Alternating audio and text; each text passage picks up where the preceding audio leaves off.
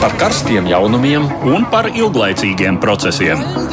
Par idejām, par cilvēkiem, par naudu un par laiku. Par abām mūsu planētas puslodēm, un lietojot abas smadzeņu puslodes. Ēterā raidījums divas puslodes. Aizsmeļamies sakiem, labdien! Redījums divas puslodes šodien būs bez Eduarda Liniņa. Viņam tagad pāris nedēļu garš atvaļinājums.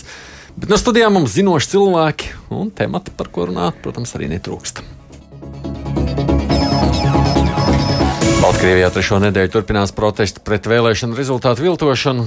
Cilvēki iziet ielās katru dienu, bet nu, atsākas atkal aizturēšanas. Tā vien šķiet, ka Baltkrievijas varas iestādes cenšas uztaustīt, kur ir tā stingrības robeža, lai cilvēkus iebaidītu, bet nepārcenstos un neizsaukt vēl lielāku pretreakciju. Krievijā gan ierastās schēmas pagaidām darbojas, tur saindēts kārtējais Kremļa pretinieks, bet Kremlis kā parasti neko nezina un nekam netic. Aleksis Navaļnīs atrodas komā Berlīnē, un vācu mediķi cenšas noskaidrot, ar ko tieši viņš ir saindēts. Atminēsimies šodien raidījumā arī sarunas par Brexit. Jāatzīst, gan, ka tajās nav vērojams nekādas pārmaiņas, tās joprojām bez vajadzīgiem rezultātiem. Jau atkal tuvojas gala termiņš, un jautājums, vai kāda no pusēm beigās būs gatava piekāpties, ir tikpat aktuāls. Studijā kopā ar mani šoreiz ir divi analītiķi. Latvijas Universitātes asociētais profesors Dauns Auvers. Labdien jums! Labdien!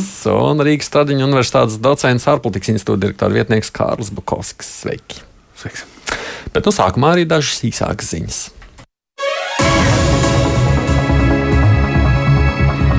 Turpinās saspīlējums starp Turciju un Grieķiju. Turcijas prezidents Reģips Taips Erdogans trešdien paziņoja, ka Ankara neielaidīsies nekādos kompromisos un brīdināja Grieķiju atturēties no soļiem, kas var novest pie tās sagrāves. Erdogans ar šo brīdinājumu nāca klajā dažas stundas pēc tam, kad Atēnas paziņoja, ka trešdien vidusjūrā sāks kopīgie Grieķijas, Francijas, Itālijas un Kipras jūras spēku manevri jo tās saspīlētās abu valstu attiecības vēl vairāk ir nokaitējušas domstarpības par vidusjūras austrumdaļā atklātajām dabasgāzes iegulām. Turcija ir ignorējusi gan Grieķijas, gan Eiropas Savienības aicinājumus nekavējoties pārtraukt iegulu izpētes darbus apstrīdētajos ūdeņos, un 10. augustā uz turieni nosūtīja izpētes kuģi, ko pavada kara kuģi. Tikmēr Grieķijas premjerministrs paziņoja, ka valsts paplašina savus teritoriālos ūdeņus dubultā.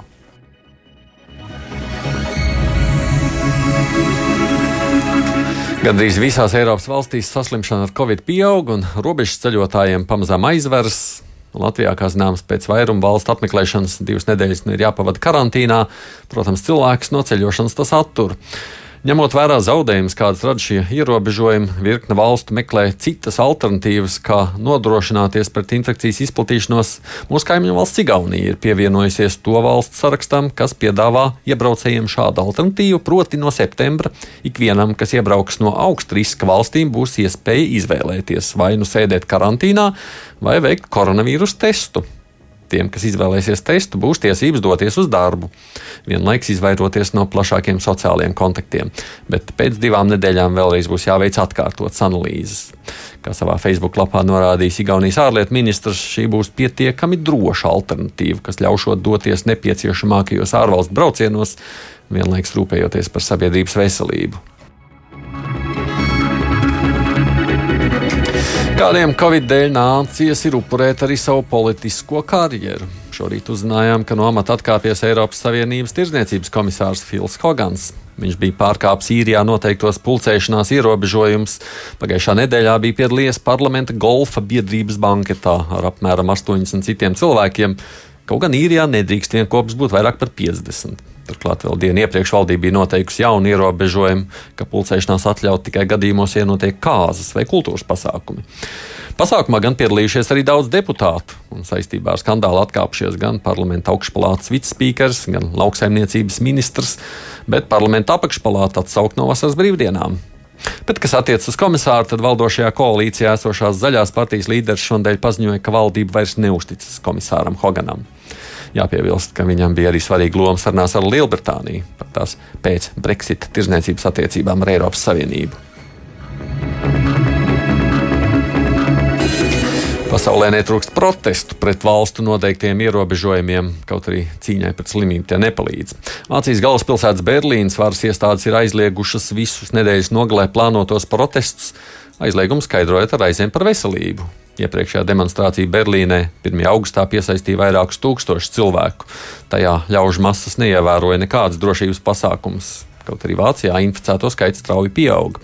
Bet šajā nedēļas nogalē demonstrācijas rīkotāji solīja ielās izvest 20 tūkstošu cilvēku.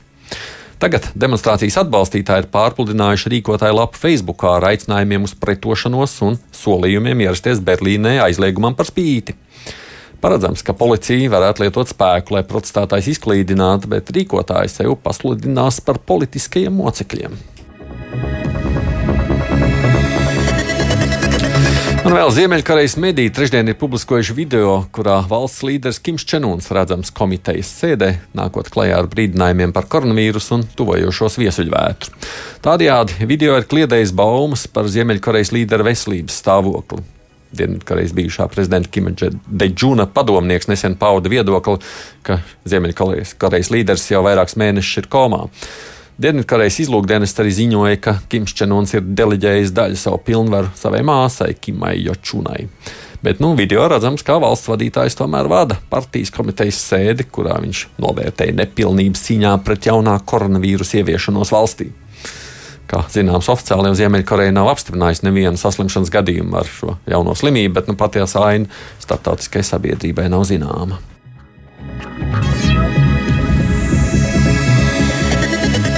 Bet nu, tagad par sākumā minētajiem tematiem plašāk turpinām par notiekošo Baltkrievijā. Jau trešo nedēļu Baltkrievijā turpinās protesti pēc prezidenta vēlēšanām. Lai arī valsts mediji ziņoja, ka protesti sāk norimt, svētdien Minskas ielās izgāja aptuveni 150 tūkstoši cilvēku, un atbalsta akcijas notika arī vairākās citās valstīs. Savukārt Baltkrievijas prezidents Aleksandrs Lukašenko brīvdienās Minskā pastaigājās ar automātisko ieroci rokās un brīdināja cilvēkus, ka šonadēļ protesta dalībniekus varētu gaidīt jaunas represijas. Pēdējās dienās no Baltkrievijas pienāk ziņas, ka daudzi streikojošie valsts iestāžu un uzņēmumu darbinieki tiek atlaisti no darba. Piedraudēts atlaist arī pedagogus, kas atbalsta opozīciju, un tā kā, piemēram, streikojošos valsts mediju žurnālistus saistāja propagandas kanāla Raša Tudei darbinieki, pedagogu atbalsta demonstrācijā pie izglītības ministrijas bija redzama plakāta ar jautājumu, vai arī skolotājs ievedīsiet no Krievijas. Lai vainātu Nacionālo koordinācijas padomi, viens pēc otra tās pārstāvi tiek izsaukti uz nopratināšanu. Diviem padomus locekļiem piespriests desmit dienu arests par nelikumīgu demonstrāciju rīkošanu, bet pašu koordinācijas padomi Baltkrievijas augstākā tiesa nosauca par nelikumīgu un noraidīja arī Svetlanas Tihanovskas prasību neatzīt Lukašenko uzvaru vēlēšanās.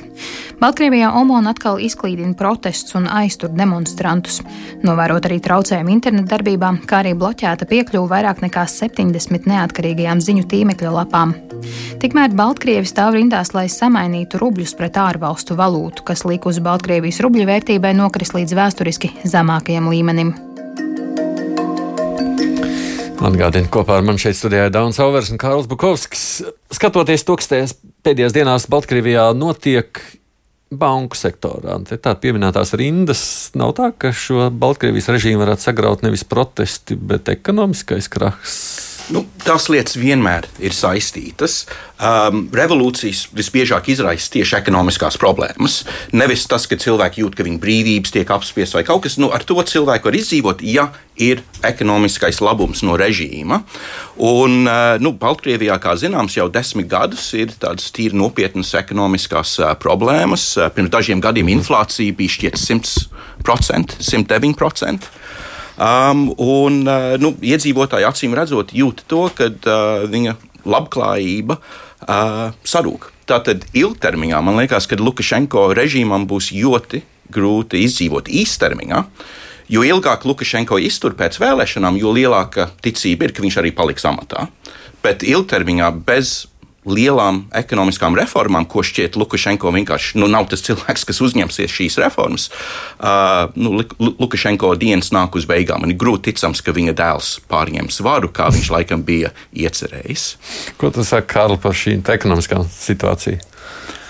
Nē, nu, te, ir, te, te ir vairāk elementi. Tikai tāpēc, ka, protams, ka pilnīgi piekrītam, ko Dānis teica. Bet, uh, Kas tad, ir, kas tad ir to Baltkrievijas ekonomiku novēc līdz tādam stāvoklim, ka, viņi, nu, ka cilvēki ir tik neapmienāti? Nu, viena lieta, tas, kas īstenībā notiek ļoti daudzās valstīs, jautājums ir par to, ka vai ir pietiekami līdzekļi valstī pieejami, lai uh, mīkstinātu tos pašus slimošanas uh, problēmas, un Covid un uh, cilvēku. Nu, Lukašenko ir sūdzējies, ka viņš naudas ir iztērējis Covid dēļ, nu, tāpēc nu, tieši tā, par to, ka viņam pietrūks, bet ir jautājums, vai viņš līdz galam ir iztērējis, vai viņš ir uh, radījis uh, šos spilvenu mehānismus kā daudzās citās valstīs, vai arī vienkārši pateicis, nē, es neatzīstu, tā ir vienkārši gripa, un pret to mēs nekādā veidā necīnīsimies, nekādas uh, plašas programmas neizvērtīsim. Cilvēki nonāk, cilvēki nonāk situācijās, ka viņiem nav ienākumu un ka viņiem ir slimnīcas un tā tālāk, un tad rezultātā, protams, tā neapmierinātība pieaug. Plus vēl arī jautājums ir par to, ka nu, mēs jau liktos, ka mēs skatāmies uz Baltkrieviju no uh, mūsu skatu viedokļa ļoti bieži, kā, ka jā, ka lūk, nu, valsts nu, tāda pat kā Latvija, nu nav tāda pat kā Latvija, nu IKP ir daudz mazāks, IKP uz vienu iedzīvotāju ir, ir, ir daudz mazāks nekā ir, um, ir, ir, ir, ir, ir Latvijas gadījumā. Pat Baltkrievi paši paskatās pāri, pāri robežai. Nu, lūk, par Baltika, Baltijas, Baltijas valsts, Eiropas Savienībā, NATO attīstās, aizbrauc ciemos, paskaties, kā tur izskatās, pastaigā paši pa savām uh, ielām, visam cits skats. Un kad rezultātā tas, tas stāsts par to, ko cilvēks sagaida un ko viņi pie tā vaino. Ir stāsts par to, ka nu, tās gaidas ir, lai tā, lai, lai tā dzīve ir nesliktāka kā kaimiņam.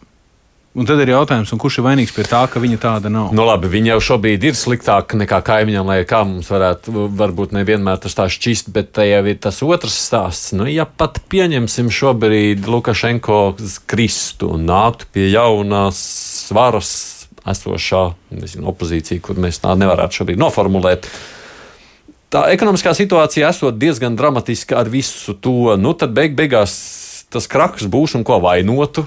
Jaunos, nu labāk, lai Lukašenko vaino nekā tos nākošos demokrātus, kas nāk pie varas. Tas varētu mazliet atgādināt to situāciju, kāda bija Krievijā 90. gada beigās. Nu, jā, nu, es domāju, ka Krievijā ir zelta akcija uh, Baltkrievijas ekonomikā. Apmēram puse no Baltkrievijas eksportiem dodas uz Krieviju. Mēs zinām, ka tie brīvie līdzekļi, kas ir vajadzīgi jebkuram diktatoram, tad jebkuram diktatoram vajag kaut kādu naudu, kas ir kaut cik brīva, ko var investēt, iedot savējiem, kas galvenokārt ir drošības struktūrām.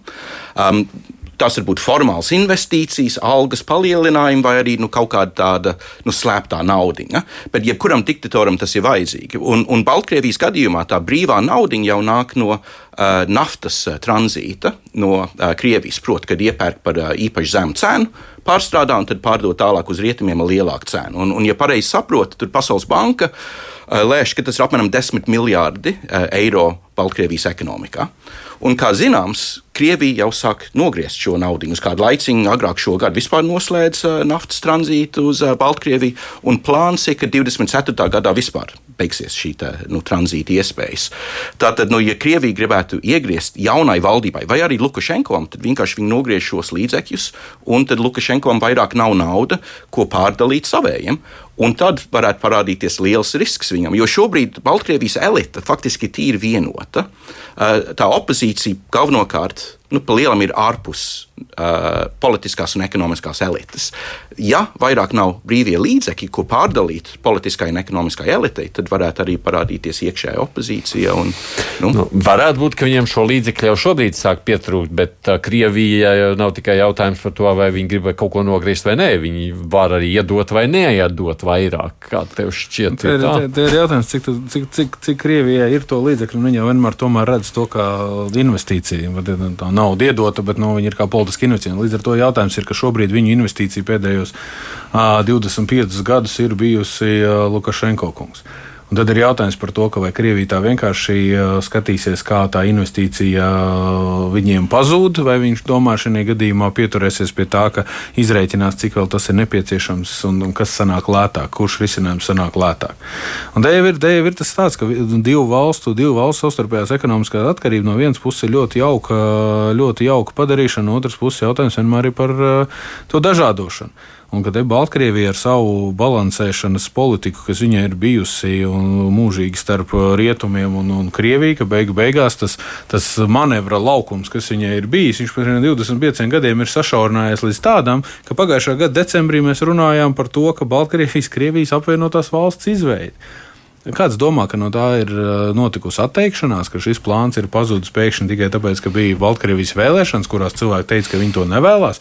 Te ir stāsts par to, ka uh, Lukašenko kungs absolūti izmanto esošo situāciju, esošo instrumentāru, lai argumentētu par to, ka nu, Baltkrievija nu, ir apdraudēta no visām pusēm.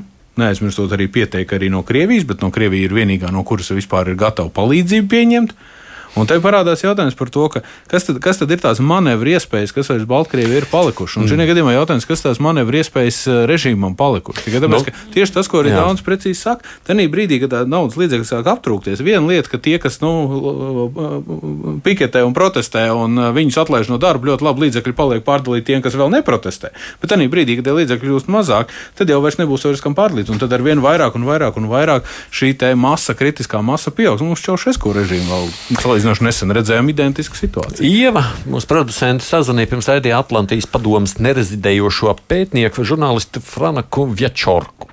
Uh, nu, Runājām arī par šo aspektu. Viņš vispār teica, ka šīs nedēļas procesos ir jau jūtams nogurums, jo laiks jau, protams, iet uz priekšu. Redzams, ka Lukašenko arī spējas pārgrupēt savus spēkus. Nu, Jaicājām arī par šo ārvalstu lomu šajos procesos. Klausāmies! I think this time the role of the West is very limited. Es domāju, ka šoreiz rietumu loma ir ļoti ierobežota. Šī reakcija ar sankcijām nav tik politiski nozīmīga, kā tas ir bijis iepriekš, jo Lukašenko šobrīd klausās tikai Putinu, un viņu pārāk neinteresē šīs sankcijas. Bet tas, kam tiešām ir nozīme, ir solidaritātes kustības. Visas cilvēku ķēdes, protestu Lietuvā, Latvijā, Eiropas valstīs, tās visas bija ļoti iespaidīgas. Diemžēl, jo ilgāk protestu Baltkrievijā turpinās, jo vairāk prokrievisks Lukašenko kļūst. Tas nozīmē, ka viņi neinteresē Baltkrievijas nākotni, ekonomiku, sadarbību ar rietumiem. Viņi tiešām interesē saglabāt status quo un palikt prezidenta krēslā par katru cenu. Putins Lukašenko noteikti palīdz. Pirmkārt, jau ar informatīvo palīdzību, ar mēdīju palīdzību, bet es domāju, ka Krievu padomdevēji un stratēģi jau sen strādā ar Lukašenko. Manuprāt, Putins Lukašenko palīdzēs arī ekonomiski pārdzīvot finansiālo krīzi, kura nenovēršami tuvojas. Krievijai jau šeit ir militārās bāzes, ir vienota gaisa telpa par Baltkrieviju. Es domāju, ka, ja nu kas, Putins ir apsolījis Lukašenko piesekt viņu. Putins būs Lukašenko pusē, un mēs varam tikai minēt, kādu veidu palīdzību Putins ir apsolījis. Bet es domāju, ka Lukašenko jūtas ļoti ērti pirmām kārtām jau šo Putina garantiju dēļ. Manuprāt, Baltkrievija jau tagad piedzīvo lielākas represijas nekā padomju laikos, īpaši, ja runājam par pēckara gadiem. Vienīgā atšķirība ir tā, ka tagad Baltkrievs nevar izsūtīt uz Sibīriju vai Kazahstānu. Bet, ja runājam par attieksmi, par ierobežojumiem, disidentu kustībai 80. gados bija vairāk iespēju nekā Baltkrievijas opozīcijai un protestētājiem ir šobrīd. Opozīcijai nav biroja, nav likumīgas pieejas mēdījiem. Nacionālās koordinācijas padomas locekļi tiek tiek aizturēti. Tas, ko es esmu mācījies no vēstures, ir, ka cilvēks spēja pielāgoties visam. Pat visļaunākajos laikos, kara laikos, cilvēki pielāgojās. Tas pats var notikt Baltkrievijā. Jā, šobrīd cilvēki ir dusmīgi, neapmierināti, bet paies kāds laiks bez protestiem, bez represijām, un viņi pielāgosies. Represijas tiks mērķētas pret visiem, kas publiski ir bijuši iesaistīti protestos. Primāri tās tiks mērķētas pret žurnālistiem un blogeriem.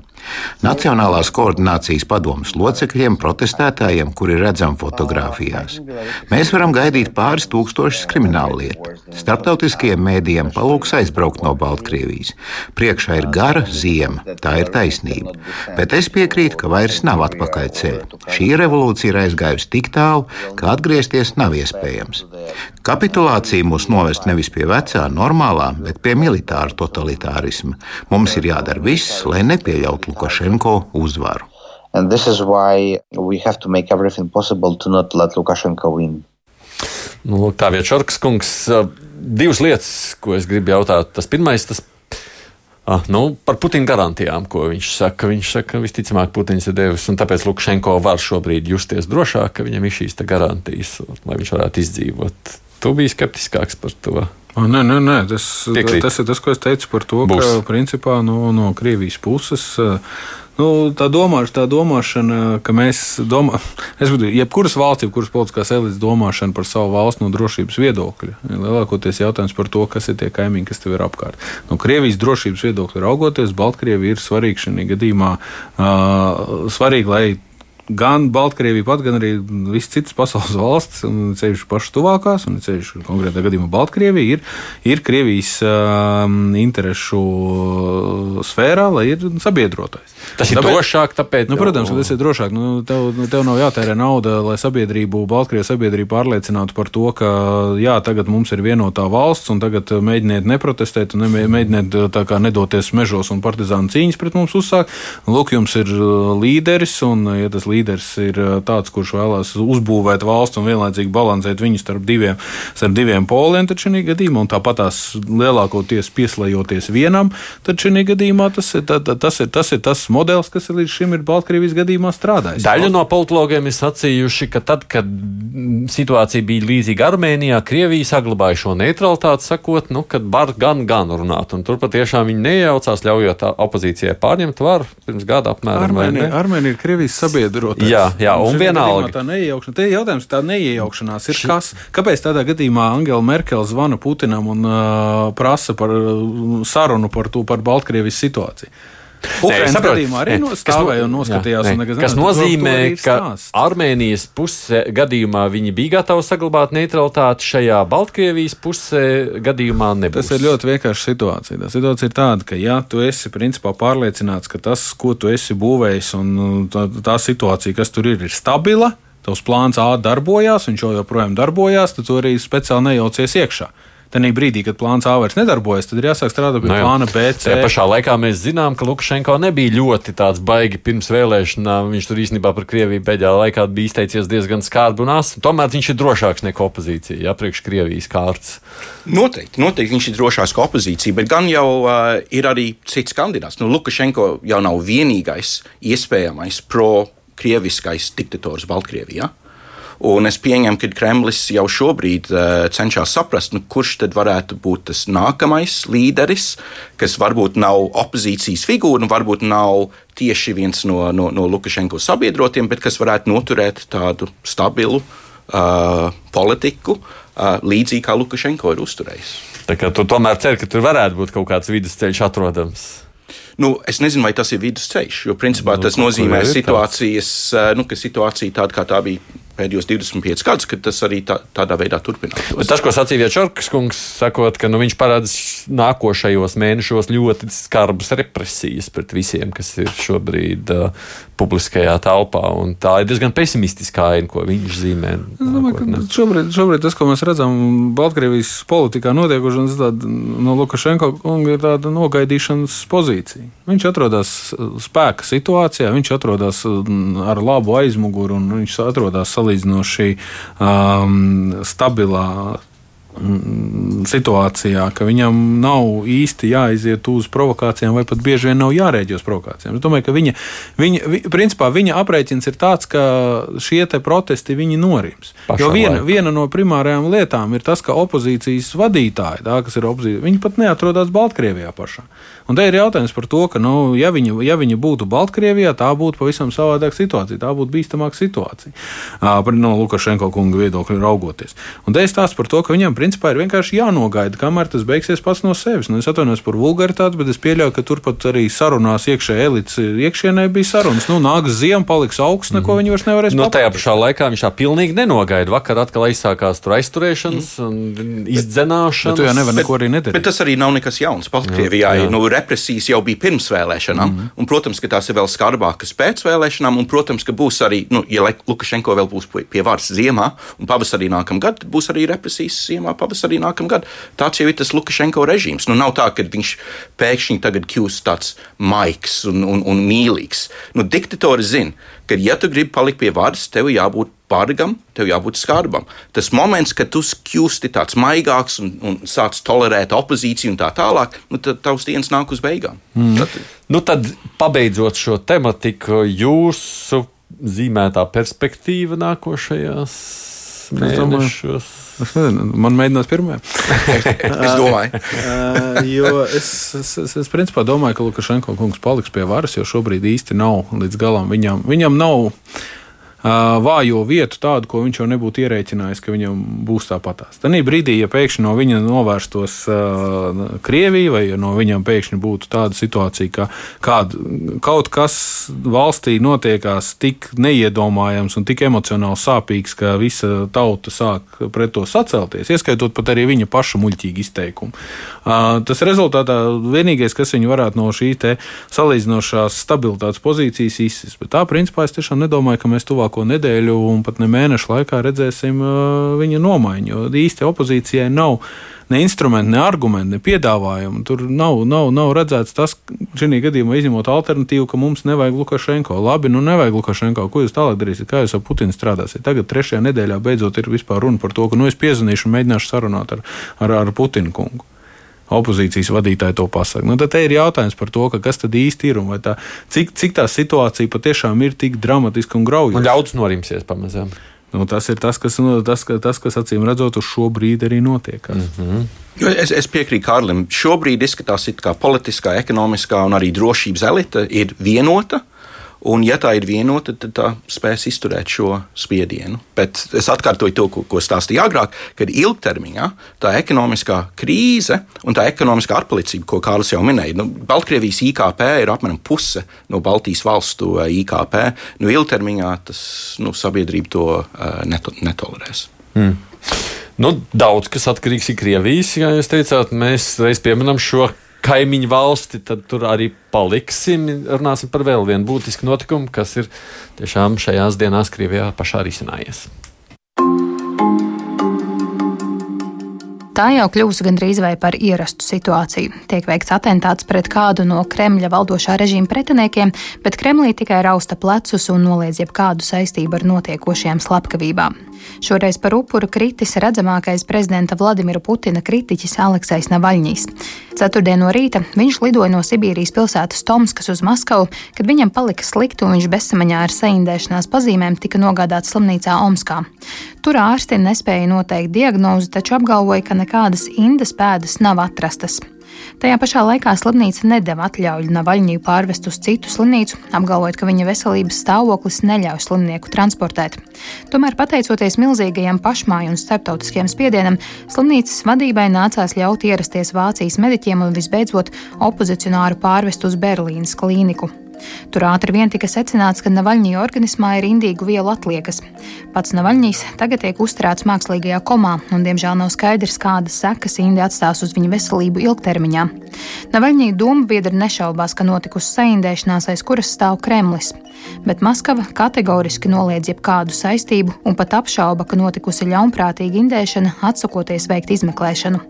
Navaļņīs sagādājis nērtības Kremlim ilgāk nekā desmit gadus, atmaskojot korupciju starp visaugstākā ranga amatpersonām un tādējādi veicinot protestus Krievijā. Pats Navaļņīs iepriekš bija izteicies, ka viņa nāve nepalīdzētu Putinam, jo padarītu opozicionāru par varoni. Visā šajā drāmā vismuļķīgākajā situācijā nostādīti Krievijas ārsti. Vai nu iesaistītie mediķi izrādījušies galīgi neprašas, vai arī viņi atklāti pildījuši politisko pasūtījumu, ļaujot upurēt cilvēka dzīvību politisku iemeslu dēļ. Daudzas pasaules valsts paudušas bažas par notikušo, aicinot veikt rūpīgu un bezskaislīgu izmeklēšanu, taču tajā pašā laikā visi apzinās, ka tāda visticamāk nenotiks. Divas puslodes! Studijā šeit kopā ar mani Latvijas Universitātes asociētais profesors Dauns Alvers un ārpolitikas institūta direktora vietnieks Kārls Bakovskis. Kārlis saka, ka tagad tā mm, izmeklēšana uh, tikšot veikta, jā, tās. Nu, jā, nu, Krievijas, kā, Krievijas puse ir pateikusi, ka nu, Krievijas puse, nu, tas Krievijai arī notika, uh, ka pirms, pirms, pirms, pirms tiesas izmeklēšana tomēr uh, tikšot uzsākt. Mm -hmm. Jautājums, cik viņi rezultatīvi būs un kā viņi izvērtīsies, nu, to mēs redzēsim. Tikai tāpēc, ka nu, mēs ļoti, diemžēl, arī labi atceramies, kas notika uh, Ņemcaukunga gadījumā, kad arī šīs izmeklēšanas sākās. Viņas ar it kā līdz tiesai pat it kā tika. It kā tika līdz tiesai, bet nu, te, te ir tas pats stāsts. Ka, nu, ka līdzīgi, lī, līdzīgi jau nu ir tā situācija, ka cik, cik ļoti uh, un, un, un, un kas, ir, kas ir tas tēls, kuru šajā gadījumā mēģina būvēt uh, Kremļa vadītājs. Un tas ir, tas ir jautājums, kas acīm redzot, ir tikai viņam un tuvākajiem līdzgaitniekiem skaidrs. Vai šajā gadījumā pilnīgi, pilnīgi visas opozīcijas apspiešana un nospiešana pat tādas, kas faktiski ir pat. Darījusi, parādot nelikumības, ir parādījusi diezgan daudzas lietas, kas pašam, pašam režīmam nāktu par labu, ka viņām cīnītos. Tā vietā šā, šādām metodēm tiek risināta konstanti un pastāvīgi. Jebkura opozīcija iekšējā un ārējā, gan pašmājās, gan, gan, gan, gan ārpasaulē, nu, tas tāds ļoti, ļoti īpatnēji pieeja sāk veidoties un tendenciozs pieeja. Bet nu, līdz šim tas darbojās, it nevainojās. Efektīvi pieeja. Tur nu, Putina režīms ir pie varas 20 gadus. Jā, nopietna opozīcija pēc 20 gadiem tā nu viņiem arī nav. Jā, un tā pašā laikā šīs metodas ir uh, pilnīgi un galīgi sagraujušas visas, jebkāda veida ilūzijas ārvalstu partneru acīs par, uh, nu, to, kas ir daudz maz racionāli domājoši ārvalstu partneru acīs par to, kāda ir Krievija un kas ir tie risinājumi. Bet jā, bet tas arī ilūzijas jau sen ir sagrautas. Ne, ne? Jā, bet tai pašā laikā tas arī ir, ir nodrošinājis iekšējo kārtību. Um, un kas tad ir svarīgāks Putina režīmam? Iekšējā kārtība, tas, ka viņi var rīkoties faktiski pilnīgi brīvi, kā grib, bez jebkādas reālas opozīcijas, vai tas, kad, kad, kad eh, amerikāņi un briti skatās dusmīgi uz viņiem un krata pirksts un saka, nu tā nevajag. Un tad turpina, protams, sadarboties ar viņiem. Tieši tā, tāpēc arī mans centrālais jautājums, kas ir, kas ir tas eh, faktiski tēls, kas ir tas simbolisms, kas ir tas imidžs, ko mēģina šajā gadījumā parādīt Kremlis. Ka, nu, šajā gadījumā indēšana ir pilnīgi absolūti normāla politikas sastāvdaļa, gan iekšpolitikā, gan ārpolitikā. Nu, ja tas ir tas tēls, kādu Krievija vēlās par sev radīt, nu, viņi tā ļoti veiksmīgi sāks to arī izdarīt. Nu, es domāju, ka tēls šeit nav tas svarīgākais. Svarīgākais ir likvidēt jebkādu reālu opozīciju īstermiņā un vidējā termiņā. Un, um, nu, kas tad ir tas nākamais opozicionārs pēc Navalnī? Nu, tā kā īsti nav, vai ne? Nav neviena cita tāda nacionāla līmeņa seja, vai arī tāda starptautiski pazīstama. Bet arī Navaļnijas sāka kā blogeris, un viņš pēkšņi pašam par lielu pārsteigumu, kā viņš jau sākumā teica, kļuva tik ļoti populārs, ka viņam sāk pievērst uzmanību. Mm. Viņam sāka investēt, un viņš sāka arī, principā, veidot savu politisko karjeru. Tieši tas pats notiks arī ar nākamo. Mm -hmm. Un notiks arī ar nākamo. Ja šādā veidā tiek, un tas pats Navaļnijas kungs, viņam ir lējuši virsū, viņam ir uh, apmētājuši ar visu, ko viņam ir uzbrukuši, viņu cietumā ir likuši. Viņi principā tādu kā pastāvīgu mocekļu tēlu jau ir, jau ir, jau ir savā veidā, viņš jau bija veidojis nu, veidojis vai viņam bija veidojuši. Tagad jautājums ir nu, rezultātā par to, ka tas ir tas, kas ir noticis. Un te principā, jebkurā situācijā ņemot vērā, cik viņš ir par daudz un dažādiem Krievijas uh, ierēģiem un uh, politiķiem atklājis informāciju un parādījis gan savas valsts, gan pārējās pasaules iedzīvotājiem, tad ir jautājums pat īstenībā, vai, kurš, vai, vai tikai nebija kāds vēl aktīvists uz, uz savu roku, kurām vienkārši gribējās atriepties, ka mēs varbūt tās nemaz pat taisnā ceļā nemaz to nevaram piedēvēt uzreiz, ka tā ir Krievijas oficiāla ārpolitika. Tas ļoti smuki izskatītos, ka jā, tas tā būtu, ka nu, tā, ir, tā ir Kremļa politika, kā ir kāds opozīcionārs, tā mēs indējam. Šajā gadījumā jau tā diezgan ērta situācija tiem, kas, kam resurss ir pieejams un kas grib vienkārši izdarīt kaut ko absolūti līdzīgu, tikai tāpēc, ka viņiem tā personīgi. Tad jautājums, kāpēc šajā gadījumā Kremlis tik ļoti atkal kūtri, ja, viņi, ja tur viņš nav iesaistīts, kāpēc viņš tad, nu, tik ļoti Kā, kā lai tā prete, nu, jā, negriboši bet, bet, vispār reaģē uz šo situāciju. Nu, pirmais jautājums ir, nu tā, es vienkārši nedaudz arī vēl advokātu šobrīd mēģinu spēlēt un, un to racionalizēt. Un jautājums ir vienkārši elementārs, vai Kremlis pats vispār zina, kas tur notika? Tā reakcija no, reakcija no ārstiem, mm -hmm. es atvainojos, viņa bija absolūti tāda, ka nu, viņiem neviens nebija pateicis, ko darīt. Viņiem ieved cilvēku, viņi zina, kas tas par cilvēku. Viņi nevar saprast, kā zvanīt, no, nezvanīt, gaidīt, negaidīt. Laistos doktorus iekšā, neteikt, teikt publikai. Bet, ja es būtu Krievijas iedzīvotājs, es mēģinātu saprast, nu, kas tad tie par ārstiem, ja viņi neko nevar atrast un tā aizvedas Berlīnu, un nākamā dienā jau ir skaidrs, ka ir indēts. Nē, nu, viņi atrada to, ka nav indēts. Viņi atrada, ka nav indēts. Neko nevar atrast, bet atrada to, ka nav indēts. Jā, jā, ka nav indēts. Un tad aizvedas uz Vāciju un izrādās, ka ir indēts. Nu, es teiktu, kas tad mums tie par mediķiem ir te, te ir, es, es, es ļoti atvainojos, vienkārši, es nezinu, varbūt tās, ka man vienkārši nav visas informācijas. Es tūlītās piedalos. Bet, bet arī runa par to, ka tas ir tā, tā, tā vācu organizācija, kas to izmeklēšanu veids. Viņi pieļauj to, ka tā ir rinda. Viņi nav vēl apsvērti, viņiem nav vēl skaidrs un gaišs. Tas, jā, ir, ne, viņi, tas viņi pieļauts, nevar... un tas ir Navaļnī birojas saka. Tas ir, tas viņi ir... nav atraduši, kas ir izraisījis mm. laikam, jā, tieši to konkrēto vielu, kas tur ir atrasta. Bet uh, Krievijas sistēmā, uh, kāpēc tas mums pārsteidz, kad uh, mediķi arī pakļauti ir varai?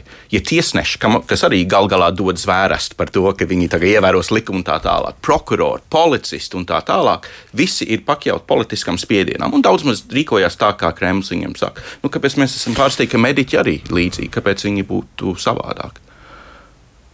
Nu, it kā jau gribas domāt, ka mediķis. Nu, it kā gribās domāt, ka tiesnesis arī godīgi pieņem lēmumu, skatoties uz faktiem un argumentiem un tā tālāk. Bet mēs zinām, ka Krievijā tā tas nav. Kāpēc Krievijas sabiedrība tad ir šajā ziņā tik kūtra? Viņi arī to pieņem un nu, neko. Nu, ir, ir labi. Nu, es domāju, ka Krievijā tā situācija ļoti līdzīga kā uh, Baltkrievijā. Ir izveidojusies tā, tāds ļoti mūsdienīgs autoritārais režīms, kas, uh, kontra, nu, kur ir tirgus ekonomika, kur cilvēkiem ir iespēja pelnīt naudu, var parādīties arī vidusšķiri, robežas ir atvērtas, var tā kā nu ceļot kaut cik un tā tālāk. Bet tai pašā laikā uh, valsts valdība kontrolē visas drošības struktūras, kontrolē tiesas, kontrolē arī lielu daļu privāto biznesu un tādā veidā kontrolē visu valsti.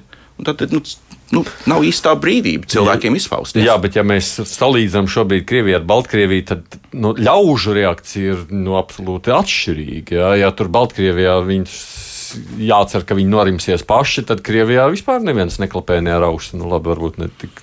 Nu, atceramies, ka pēc vēlēšanām Krievijā ir kādreiz bijuši protesti. Gan pēc mm. uh, parlamenta vēlēšanām, gan pēc prezidenta. Noteikti ne tik liela kā uh, Baltkrievijā. Uh, bet Putina laikā arī tā ekonomiskā lejupslīde nav bijusi tik liela kā Baltkrievijā. Ir sevišķi šogad, bet arī, nu, teiksim, ja skatāmies nu, uz tiem pēdējiem desmit gadiem.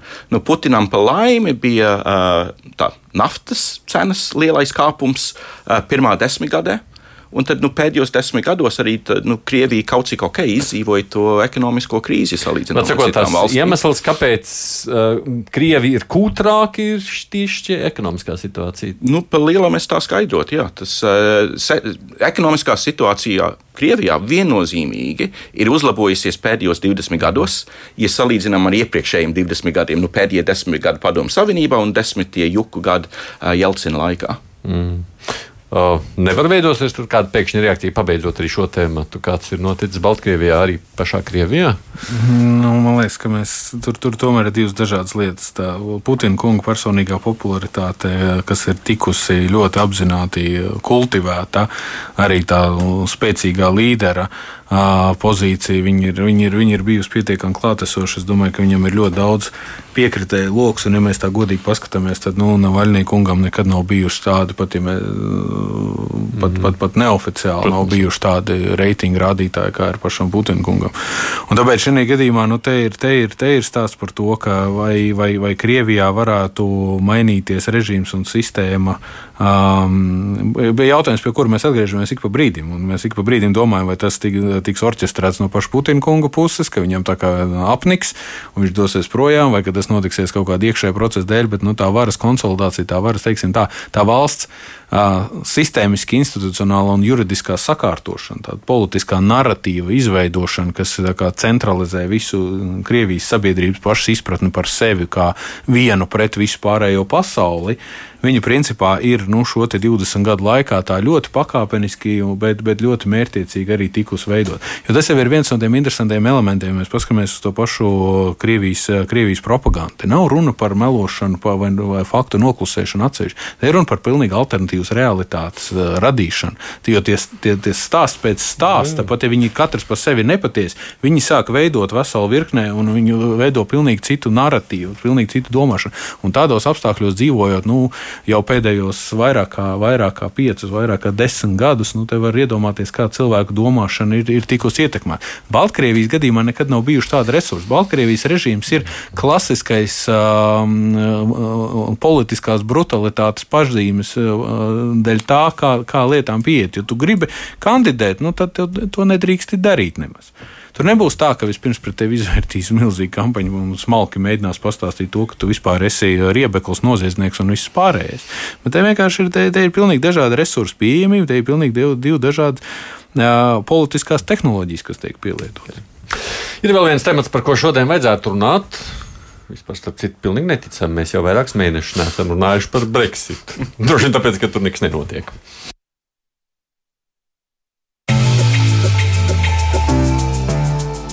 Kādas īsti izskatīsies Lielbritānijas un Eiropas Savienības attiecības nākamgad, joprojām ir atklāts jautājums.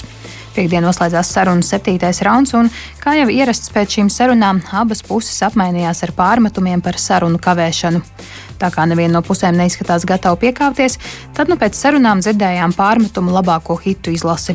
Britu sarkanās līnijas padara vienošanos neiespējamu, Eiropas Savienība nevēlas atzīt Lielbritānijas ekonomisko un politisko neatkarību, kā arī Brexit nozīmē Brexit, lai arī ko tas nozīmētu. Tikmēr laiks rit uz priekšu, un 15. oktobrī gaidāmais Eiropadomas samits, kas ir pēdējais termiņš, lai vienošanos apstiprinātu, strauji tuvojas. Nākamā saruna kārta sāksies 7. septembrī, un vismaz Britu pusē ir cerības, ka vienošanos varētu panākt jau tad. Tikmēr Briselē joprojām uzskata, ka tai rokās ir labākas kārtas un bezvienošanās Brexit smagāk skars tieši Britu ekonomiku, tāpēc agri vai vēlu Londona būs spiesta piekāpties. Taču, ja līdz oktobra samitam nekāda vienošanās netiks panākta, no 2021. gada tirzniecība notiks pēc apusēji neizdevīgajiem Pasaules tirzniecības organizācijas noteikumiem.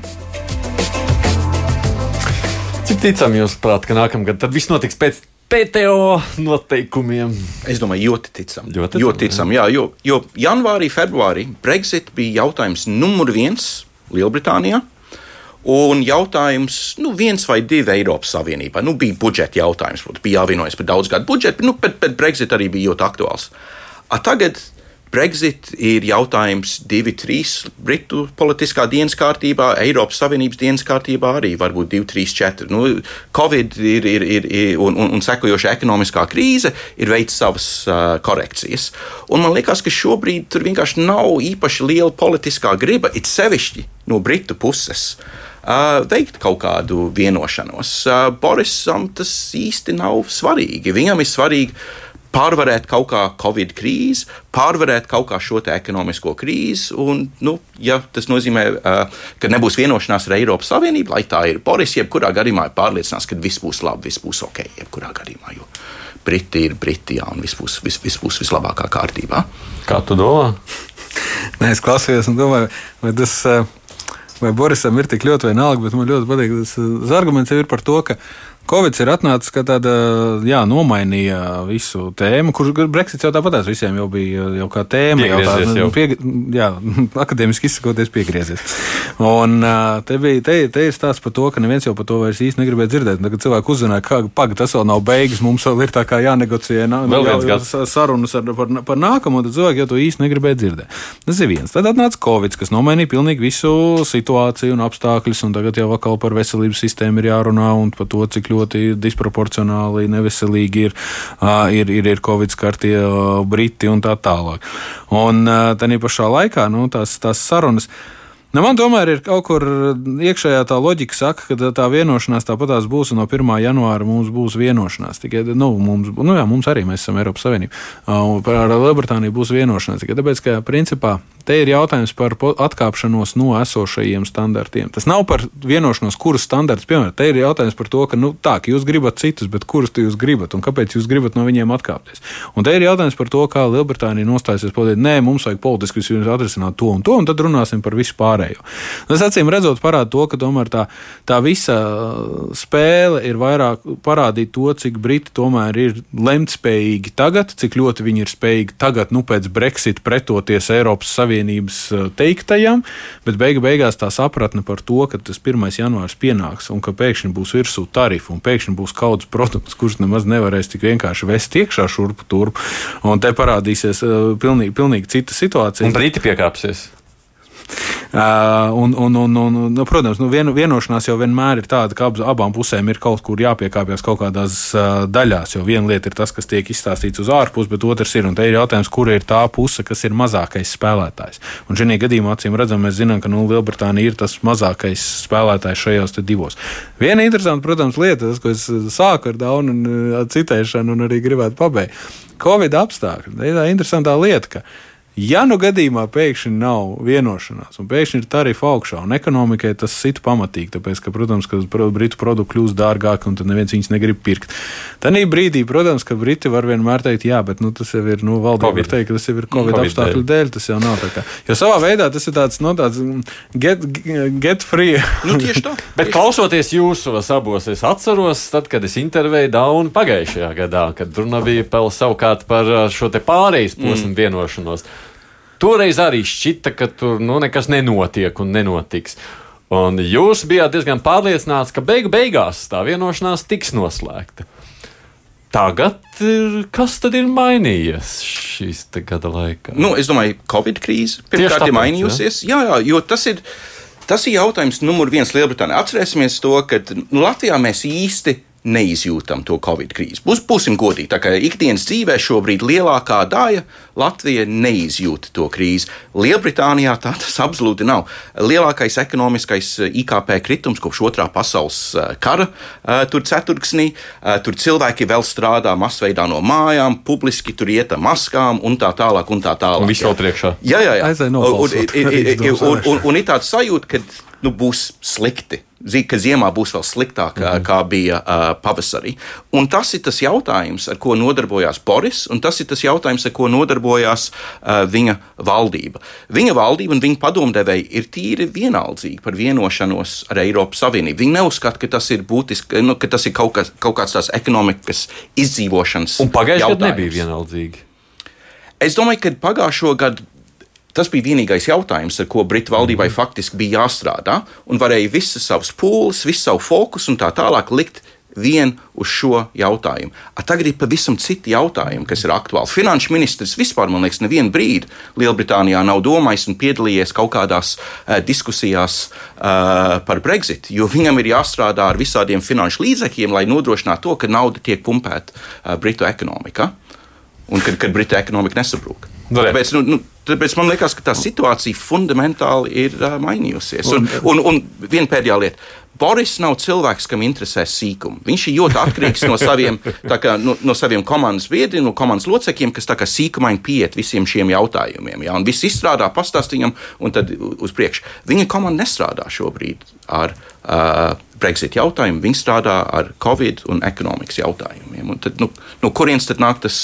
Stimuls tur, tur, tur, tur uz to vienošanos. Un Eiropa nevar nākt, nu labi, mēs piekāpsimies Lielbritānijai. Tā nenotiks. Nē, nu vienmēr jau tur ir tas piekāpties, nepiekāpties. Nu, ja mēs atceramies, ja mēs patinam to lentu gadu, gadu atpakaļ, tad beigu, beigās jau tā situācija arī par visu, visu izstāšanās līguma, tā kas bija pirmais izstāšanās līguma nosacījumi jau beigu, beigās ar tāpatās mēs teicām, jā, viss, nu, Eiropas Savienība ir piekāpusies, bet, nu, protams, ka abām pusēm jau beigu, beigās no kaut kā ir jāatkāpjas, no kaut kur savus it kā novilkt tās savas sarkanās līnijas ir, ir, ir, ir jāpārkāp tikai tāpēc, lai to gala mērķi, to vienošanos panāktu. Un šeit ir ļoti līdzīga situācija. Vienkārši, un, un, un atcerēsimies arī to, to iekšpolitisko situāciju Lielbritānijā. Nu, Borisam ir liels spiediens nodrošināt to, ka Brexit vienkārši nokārtots. Ja? Nu, kad, kad, tā. un tie, kas viņu visvairāk kritizē, šobrīd par Covid krīzi, tie paši, kas viņu šausmīgi nežēlīgi kritizēs par to, ja viņš vienojās kaut kā, nu, ja viņš izstāsta tā, tāds mīkspēdiņš, kas ir kaut kā vienojies un kaut kādu kompromisu taisīs ar, ar Eiropas Savienību. Viņam ir milzīgs spiediens no šī partijas daļa, kas ir gal galā tie, kas viņu arī atbalstīja kā, kā partiju līderi un tad kā premjeru. Un es neredzu, ka viņš var atkāpties. Okay. No kas nozīmē, ja mēs sakām, ka Brexita sliktās sekas varēs norakstīt uz Covid krīzi uh, Lielbritānijā politiski. Kas tās sliktās sekas būs, kam tad mēs gatavojamies? Nu, to mēs jau nezinām. Šī, nezinām. Šī, ir, šī ir absolūti unikāla uh, situācija. Um, es, es domāju, ka mums ir grūti uh, prognozēt, kā tas varētu izskatīties. Nu, piemēram, uh, ja veidojās garas rindas pie Francijas, Lielbritānijas robežā ar kaut kādām mm -hmm. medikamentiem un zālēm. Vai tiešām būs tā, ka nebūs kaut kāda īstermiņa vienošanās starp Eiropas Savienību un Lielbritāniju, lai, lai viss šo pātrinātu? Vai tiešām vienkārši būs gatavi tur kaut kā? Bet, protams, ka būs nu, tieši tā. Tas... Tad tās sekas neko dramatiskas nebūs. Nu, jautājums ir, kas ir tās dramatiskās sekas, kuras mēs varam atļauties uh, Lielbritānijā, esot NATO dalību valstī, Lielbritānijā esot uh, sabiedrotajā. Tas, ka šajā gadījumā Lielbritānija pati izdomāja, ka viņai sadarbība formātā ar nosaukumu Eiropas Savienība ir neizdevīga, nērta un nevēlama, Šī gadījumā tas jau nenozīmē, ka nu, mums viņus ir tagad jāizsvītro no kartes un sala ir aizdrēfējusi kaut kur tuvāk Meksikas līcim. Nu, tā tas nenotiks. Nu, tā, tā ir vienkārši tā realitāte, ar kuru ir jārēķinās. Piekāpties, nepiekāpties, nu, ar, ar cilvēkiem ir jāstrādā tāpatās. Un šajā gadījumā, kurš, kurš grib atstāt sabiedroto situācijā, ka nav medikamentu, nav pārtiks vai vēl kaut kas tamlīdzīgs. Bet nu, šajā gadījumā es domāju, ka tie ir tie tādi apakaliptiskie scenāriji, kas tiek zīmēti tikai tāpēc, ka nu, tieši tā katrai valstī ir savu kritiskā infrastruktūra, ir, ir, ir savu uh, uzkrājumi un ir uh, savi uh, piegājuši ceļi. Nav jau tā, ka atkal jau pēkšņi būs, nebūs iespējams, ja nu gadījumā kas tad iepirks no Amerikas, iepirks bet, bet, no Briti Argentīnas. Briti ir gatavi šo situāciju. Es nezinu, vai jūs to izlasiet, bet svētdien parādījās avīzēs. Tu, tas kā, britu iekšējais ziņojums, kas bija noslēpts, bet jebkurā gadījumā mm. parādījās mēdījos par to, kā tas viss varētu izskatīties, ja ir Covid pandēmija un bez vienošanās izstāšanās mm. janvārī. Mm. Un tātad, nu, tad Britu valdība gatavojas. Gatavojas kaut kam tam. Nu, kas nozīmē, janvārī būs mazliet atkal tāds jātaisa vienkārši ziņu darbiniekiem būs ko vairāk strādāt, redzot, kāda tā aina ir un cik garš tas process pēc tam starp Eiropas Savienību un Lielbritāniju varētu būt. To es nākošais jautāšu, tāpēc, ka mums ir jābeidz šodien. Bet es jums saku paldies, ka jūs atnācāt. Šoreiz runājot par trim tematiem - Lielbritāniju, Krieviju un Baltkrieviju. Latvijas Universitātes asociētais profesors Dauns Avers. Paldies jums! Paldies! Andrijas Traģiņa Universitātes docents, ārpolitikas institūta direktora vietnieks Kārlis Bakovskis. Kādi paldies! paldies tā. Studijā bija es, Aits Tomsons, mūsu producents Ieva Zeiza. Paldies klausītājiem par iesaistīšanos, klausīšanos. Tiekamies pēc nedēļas, lūkosim, kas atkal pasaules politikā ir noticis.